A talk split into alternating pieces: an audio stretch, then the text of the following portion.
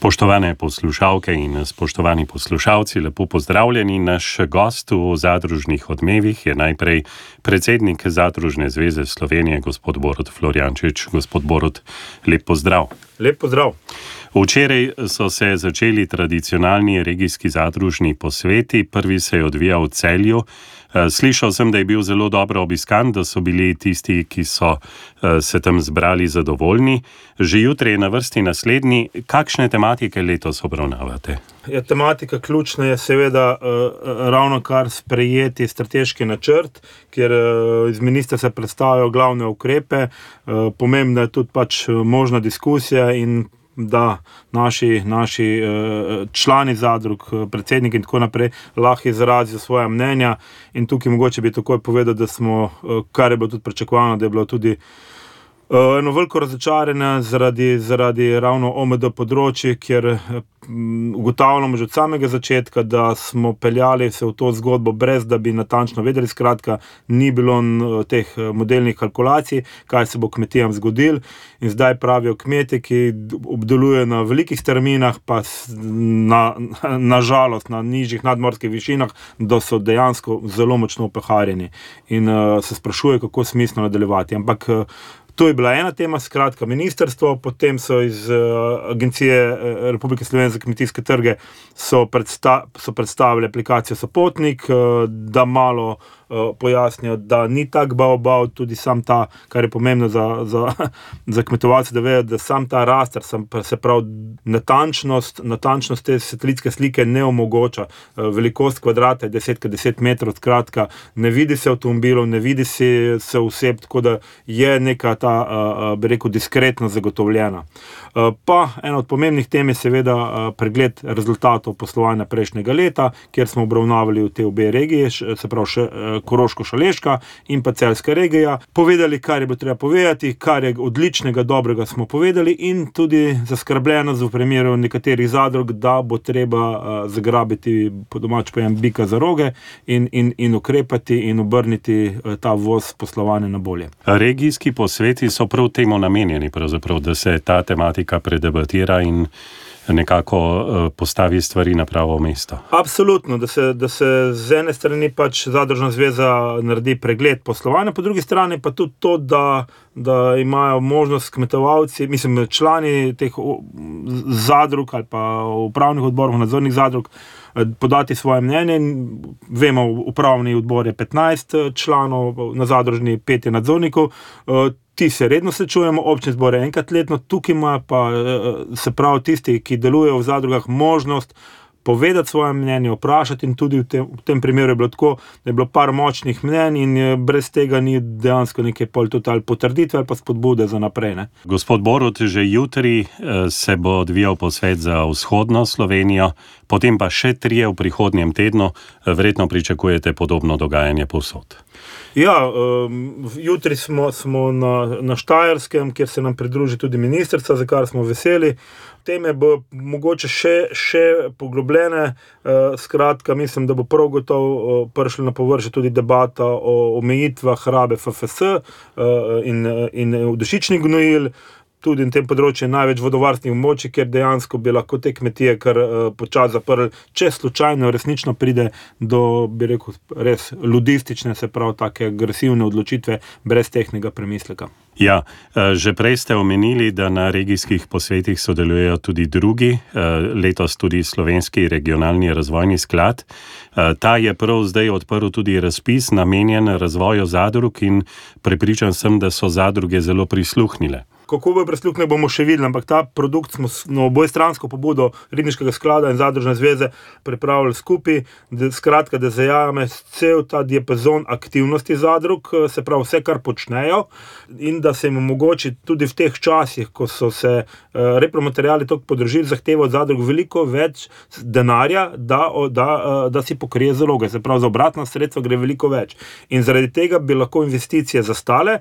No, ravno ta, ta produkt produkt, namenja denar za, za investicije. Omogoča pa, kar je, kar je zelo v redu za ta, za ta čas, uh, let, do, do tri let moratorija in do 20 let uh, doba odplačevanja. Razpis je odprt do konca leta, sem videl. Dogovorjeno je tako, če bo več povpraševanja, se bo podaljšal. Če bo premalo denarja, se bo tudi do, dodalo. Jaz mislim, da je, da je zelo primerno narejen za zadruge in tudi ribniški sklad res prepoznava zadruge in to tudi pove, tudi s tako gesto tega razpisa, da so zadruge eh, gibalo razvoja podeželja, obstanka ljud, ljudi tam, se pravi delovnih mest, eh, same te ekonomike in pač temu primerno se je ta produkt oblikoval. No. Eh, gospod Borod Floriančič, zdaj še k dvema aktualnima temama. Eh, slišim, da zadružniki opozarjate, da uredba Evropskega parlamenta in sveta o omogočanju dostopnosti nekaterih primarnih in drugih proizvodov eh, povezanih s krčenjem in degradacijo gozdov na trgu Unije. In njihovem izvozu iz Unije lahko pomeni precejšnjo povečanje administrativnih stroškov tudi pri nas v Sloveniji. Zakaj? Čisto mogoče za pojasnitev. Se pravi, v Evropo se uvaža cel niz produktov, ki so pridelani na dejansko devastiranih, uničenih področjih, kjer se džungla izseka in potem te produkti prihajajo k nam. Zdaj bomo pa naredili v Evropi eno zelo težko birokratsko uviro, ker bomo mogli vse te zgodbe spremljati, da bomo trgovali samo z produkti, palmovo olje, soja, les, kakao in tako naprej, ki ne prihajajo z teh področjih. Ne? V teh državah pa se dejansko ne bo nič kaj veliko spremenilo. Mislim, da smo sami sebi naredili eno veliko birokratsko breme, ki tudi finančno, hkrati pa tisto, kar je naša osnovna želja, ker mi pokažemo, mi znamo skrbeti za okolje v Sloveniji in v Evropi, eh, hkrati pa vprašanje, kaj bomo dosegli na oni strani, kjer je po moje par velikih trgovcev, ki se s tem ukvarja in bojo pač, ne vem, mogoče uh, uh, nasilno si jih malo nalepke zamenjali in, in bo zadeva urejena. Jaz mislim, da se nismo na pravilen način tega lotili in nam povzroča nepotrebno dodatno breme.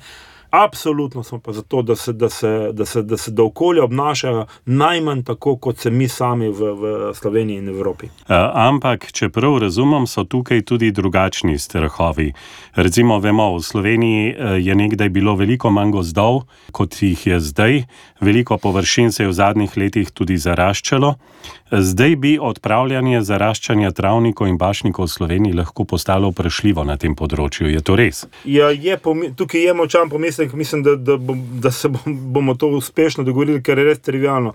Slovenija, ne vem, kjer je druga ali tretja najbolj gozdnata evropska država. Uh, veliko tega gozda, ki je zdaj označen gost, ni v bistvu gost v pomenu se pravi, ekonomskih izkoriščenj, ampak je gost v nastajanju, se pravi, po domače, povedano neko leščevje, robidovi ali pa uh, slabše vrste lesa. Po drugi strani strani nam pa manjka ali travniških ali nivskih površin. Ne? In uh, ta bi rekel dogovorjene izsekavanje ali pa postavitev nazaj teh površin bi nam še kako koristilo v zagotavljanju dodatnih površin za, za samo skrbnost, ki jo želimo povečati, predvsem tudi na njivskih površinah, se pravi za žita. In, uh, mislim, da je treba zdravo razumsko presoditi, kako dobro gospodar očisti robove svojih travnikov. Moramo tudi celostno pogledati Sloveniji, koliko imamo teh zaraščenih površin, bi rekel, z manj vrednim gozdom ali pa v gozdom v nastajanju, da, da se kmetovalcem na nebirokratski birokratski, pretirano birokratski način omogoči, da te površine ponovno vzpostavijo. Še ena zadeva, na katero zadružniki opozarjate, je zaplet glede diskriminatornosti pri omogočanju promocije rdečega mesa in vina. Zakaj pravzaprav prihaja do tega na ravni Evrope? Tako kot pride do teh direktiv, ki nimajo podlage v neki analizi, kaj se bo zgodilo, če ta direktiva o zmanjšanju uporabe FFS in dušičnih gnojil se sprejme, tako mislim, da je ravno tukaj. Ne. Nova direktiva govori o tem, ki je že lansko leto veljala, da se, da se ne podpira več uh, promocije rdečega mesa in vina. Pa je kdo vdahnil in pomislil, da je rdeče meso govedorejo v Sloveniji in vinogradništvo ena, ne eno, glavna panoge in da si sami s tem pač streljamo v koleno. Ne. Mi smo dobili obvestilo od Kopa Kodžeka, da je nekako nakazano, da slovensko ministrstvo bo podprlo to diskriminacijo. Na srečo se potem, kot odgovor od ministrstva nismo dobili, dopis smo poslali uradno, vendar ne dobimo odgovora, ne vem, zgleda, da ima težavo s pošto.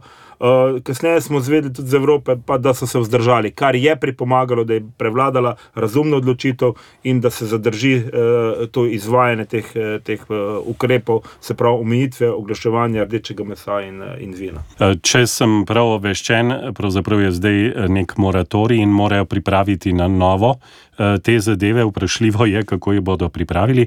Ampak, gospod Borod Floriančič, kako lahko sploh komentirate, da se sektor živinoreje in vinogradništva na tak način postavi uh, ob zid? Uh, prej ste rekli, čudno. Men, mislim, če, če na širše pogledamo, uh, žal vsaka dejavnost, ki jo počne človek, ima določene posledice. Vendar, ko pretehtaš te posledice in uh, koristi, ki jih imamo zaradi tega, in nazadnje vzameš obzir, na kakšen način, skoraj že bi rekel, na meji med intenzivnim in ekstenzivnim Slovenijo se ukvarjajo z govodorejo, in potem mi ne vemo, kaj je prava pot. Ravno tako mislim, da so to neke določene struje, ki iz njega uh, bi rekel, slonokoščenega stolpa, gledajo na svet in določajo, zdaj bomo pa brez uh, teh sredstev, se pravi, fitofarmacijskih sredstev, brez tega in bomo kmetovali, bo vse lepo. Po drugi strani pa vemo, da vem, sama farmacija, sama logistika, sama industrija povzroča tako privno okolje tam pa se ne bomo omejevali, ne, ne bomo se, ker potem zmanjšamo potrošnjo. Ampak na kmetijstvu je vedno tisto prvo, ki, je, ki se pogleda, kaj pa lahko naredimo za okolje. Ja, pa za božjo voljo, vse kmetijstvo skrbi za okolje. Če kmetijstva ni, okolje pada v največjih primerih nazaj v, v manj, v manj eh, biodiverzitetno. Sej in divjati in rastlinje, ki najbolje sobiva. Ne? Na mejah med obdelanim in neobdelanim, ne, ne v, v zaraščenih uh, gozdovih. Eh, poglejte, rekli ste, Slovenija naj bi se na glasovanju vzdržala. Eh, glede na pomembnost tako živinoreje kot vinogradništva, pa bi verjetno naši uradniki morali jasno zastopati stališče proti taki diskriminaciji. Eh, morda še ta vaš komentar. Ne morem ga kaj komentirati, ker dejansko to mislim, da je neka politična odločitev. Pa upam, da nikoli ne bom rado politik, da bom razumel, zakaj se nekdo odloči za nekaj, kar ima čisto jasno sporočilo iz okolja, katerega prihaja. Ne? Mi smo uh, govedorejska država, imamo v največji meri proizvodno mleka in mesa, spoštovanje vseh ostalih panog, vinarstvo je del naše tradicije, kulture in bomo se tako odločili. Vem, tukaj je ta zadržanost, ok, je bila pozitivna in se, se je pomagala pač zdržanost, da, da je ta ukrep zadržan, ampak vse mislim, da lahko kaj tudi na glas pa močno povemo. Ne? Za konec, eh, gospod Borod Floriančič, če gledamo košarico izdelkov, kjer se vse bolj pojavljajo tisti izdelki, katerih. Uh, Pravzaprav izvor ni, ni, ni znan, po drugi strani vse te nove zahteve, ki bodo pomenile uh, večje stroške, torej tudi uh, lastna cena bo postala večja. To pomeni, da gremo iz držja pod kap. Pravzaprav slovensko kmetijstvo na tak način, tudi evropsko kmetijstvo na tak način izgublja, uh, hrana od drugot pa postaja cenejša. Kot v vseh teh ukrepih smo zaskrbljeni, da te glavni odločevalci ali pa te, ki sprožajo te m, ukrepe, ne pomislijo na naslednji korak. Kaj se bo zgodilo, ko bom ko bom to uvedel, ko bom svojo politično o, voljo, močjo o, s, v, ta, to direktivo spre, pripeljal v prakso.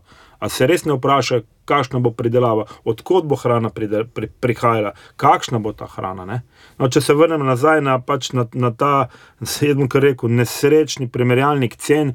Pa ta res ne paše na stran slovenska hrana. Ne, so iz, tam so izbrane kakovosti, promoviramo nekaj, za kar smo se dolgo časa borili, tudi nekaj denarja, kar nekaj denarja za to dali, ljudi navadili, cel sistem upeljali in ni enostavno. In tudi prve leta ne obrodi se do zdaj, pa prelivamo gor nekaj, ker se trgovčki igrajo, pa dajo noter neke zgodbe uh, najcenejših artiklov, ki jih ne vem, tudi berem, da jih ne najdeš potem v trgovinah to pa še ne, ne, ne vem. No, ne imajo, ne vem, uh, kakšna institucija za zaščito potrošnika, ministrstvo za socialo in delo in tako naprej. Tam, kjer imamo pa kmetje svo, svojo promocijo, pa to res ne paše. Ministrstvo smo in mi in zbornica nagovorili, pozvali, zahtevali, da se odstrani, vendar smo dobili pač odgovor, da je to vse ustrezno in da to posredno skrbi tudi za promocije slovenske hrane.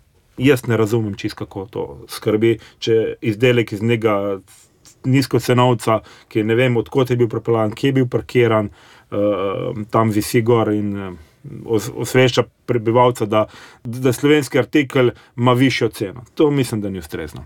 Gospod Borod Floriančič, hvala lepa za vse te informacije, za uh, razmišljanja, pa vse dobro jutri na Štajerskem. Hvala.